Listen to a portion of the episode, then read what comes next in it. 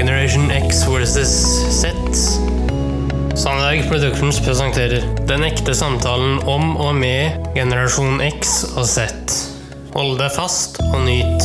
I dag tar vi opp temaet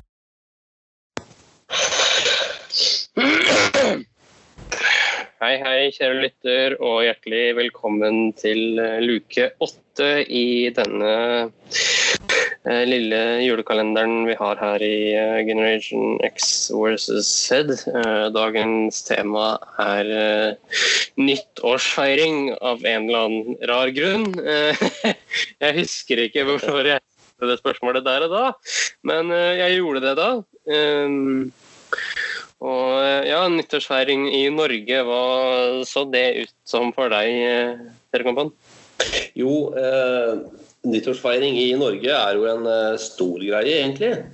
Det er da man eh, ser at og reflekterer litt over eh, det året som har gått. Og så er det en stor feiring. Både med barn, men ikke minst voksne. Og mange voksne drikker seg, for å si det sånn, litt fulle den dagen. Ja. Hvor det er god mat og god drikke. Ja, det er veldig voksne det går hardest utover, tenker jeg. Ja, det er, det er nok det. Og så er det mye fyrverkeri. Og så er det eh, klokka tolv, når den slager klokken tolv, så er det kyss og klem.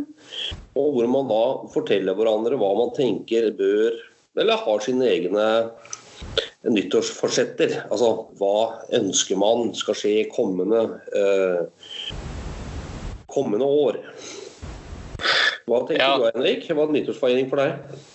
Nyttårsfeiring for meg er jo det å spise eh, god mat, Mm. eh, være med familien. Veldig mye eh, i likhet med jul, i hvert fall i mine øyne. da.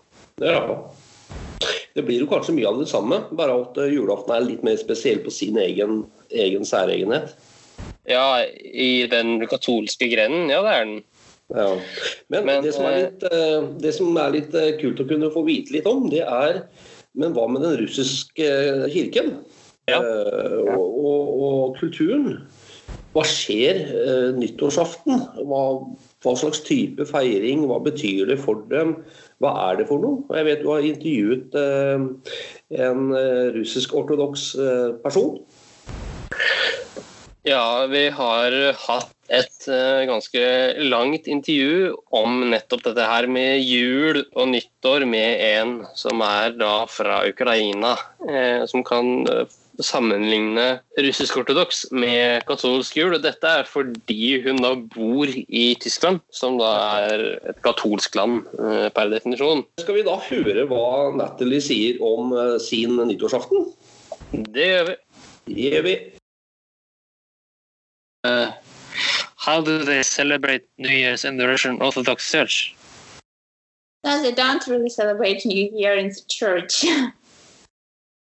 so because it's not Yeah, a well. religious holiday, so it's uh, there is no such a celebration at all. It's just um, yeah, even you wouldn't even you wouldn't I would say find a Christmas tree. So I mean, church knows about it. Yes, New Year comes, but it's not religious holiday, so not a very big uh, thing out of it.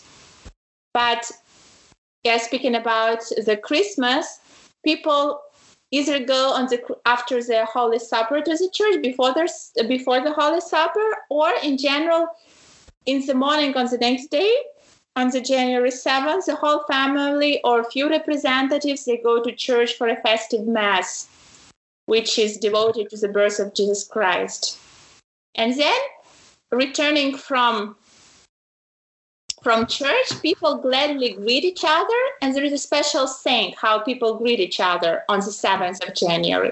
Yes, for, for the Catholic, it's the 25th of January. Uh, they say, Christ is born, let's glory him. So if one translates those words from from from Ukrainian or Russian, it sounds Christ is born, let's glory him. And everyone saying these phrases to other members of the family or friends, just people exchange those greeting phrases.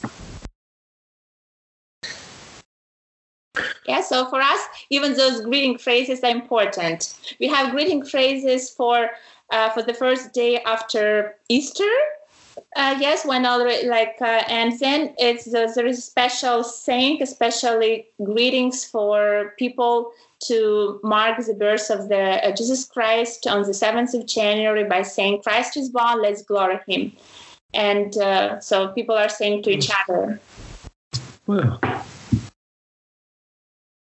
because this is things uh, I have not really noticed in Germany. So yes, people. What I notice the difference. People exchange presents for for them to find a present for the Christmas. It's a really a big issue, and they prepare and buy it four or five months in advance, half a year in advance. And also, hmm. I didn't notice those special greeting phrases as we do have it in in our country, like the next day after the, the Holy Supper takes place. Hmm.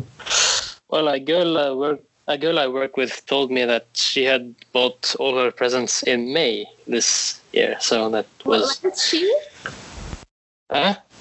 Which girl? Well, a girl I work with, she told me that she had bought all her presents uh, six months in advance. Uh, yeah, so this is how do. Yeah. And for us, it's like six months in advance. One would buy a present probably for the new year, but not really for Christmas. yeah. I have just one wish. Uh, uh, it's a hug. Uh, it's a hug from uh, my dear son. oh, come on!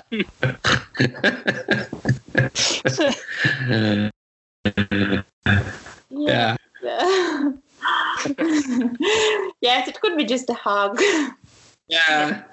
That's the But best. if it's from the pure heart given, then it's really considered to be precious. Yeah. Ja, hva tenker du om russisk-ortodoks nyttårsaften? Er det noe du kunne tenke deg, Henrik? Jeg forsto vel ikke 100% alt hva Natalie sa her, men jeg fikk med meg det meste, tror jeg. Hva tenker du? Eh, For å være ærlig så er Russland og Ukraina land jeg har villet reise til veldig lenge. Og ja. i forbindelse med det da, så har jeg veldig lyst til å reise til Russland i, eh, i kanskje april-mai, og Ukraina nå da i desember-januar månedene. Ja. For da å oppleve de landene her på sitt mest eh, levelige og eh, sine fineste, da. ja. Altså i Ukraina? Eh, Nei, det som var finest akkurat der, det var jo det med at man la mer vekt på det å være sammen og ikke gå i kirken. Ja. Ja. Virker som det er veldig sånn familiært. Ja, og det er jo ikke akkurat nyttårsaften, i hvert fall ikke i Norge. Men eh, Ja, det er delvis, ikke delvis. eh, Litt avhengig av eh, subkulturene i, i Norge òg, men stort sett så er det vel noe Det er mer sånn fest, sånn som jeg ser det. Og ikke så, Ja. så familiært som den feirer i Ukraina. nei, i Norge er jo det mer en festdag, og julaften i Norge er jo eh, Julaften i Norge er jo en sånn familiedag, eh, og i den sammenheng så vil jeg også nevne at det første juledag er av samme kaliber. Ja, det kan man jo si. Men eh, russisk-ortodoks, da, da er det jo motsatt. At det, det Ja. ikke er av så høy eh, familiær betydning med tanke på julaften og første juledag. Eh, Ja da. Ja da. Men uh, Henrik, det var, var det luke åtte? ja. Ja. Det, det har jo vært en spennende reise, de med Ukraina. Eh, men jeg forsto det sånn på deg at luke ni, hva handler den om? Eh, du, den er jeg faktisk litt usikker på hva det handler om. Eh, det får du da vite mer om eh, når den tid kommer. Ja. Eller om noen dager, da. Ja, jeg får vite mer om det om noen dager. Så da eh, holder vi oss mest sannsynlig da i Ukraina noen dager til. Og i den russisk-ortodokse kirke da noen dager til. Eh, og for å høre mer om eh, julefeiringen i Ukraina eh, og den russisk-ortodokse kirke for øvrig. Ja. Det har vært en fornøyelse å ha, ha deg ved min side, kjære sønn. Jo, takk det samme. Jo, hjertelig tusen takk. Ha det godt så lenge. Ha det.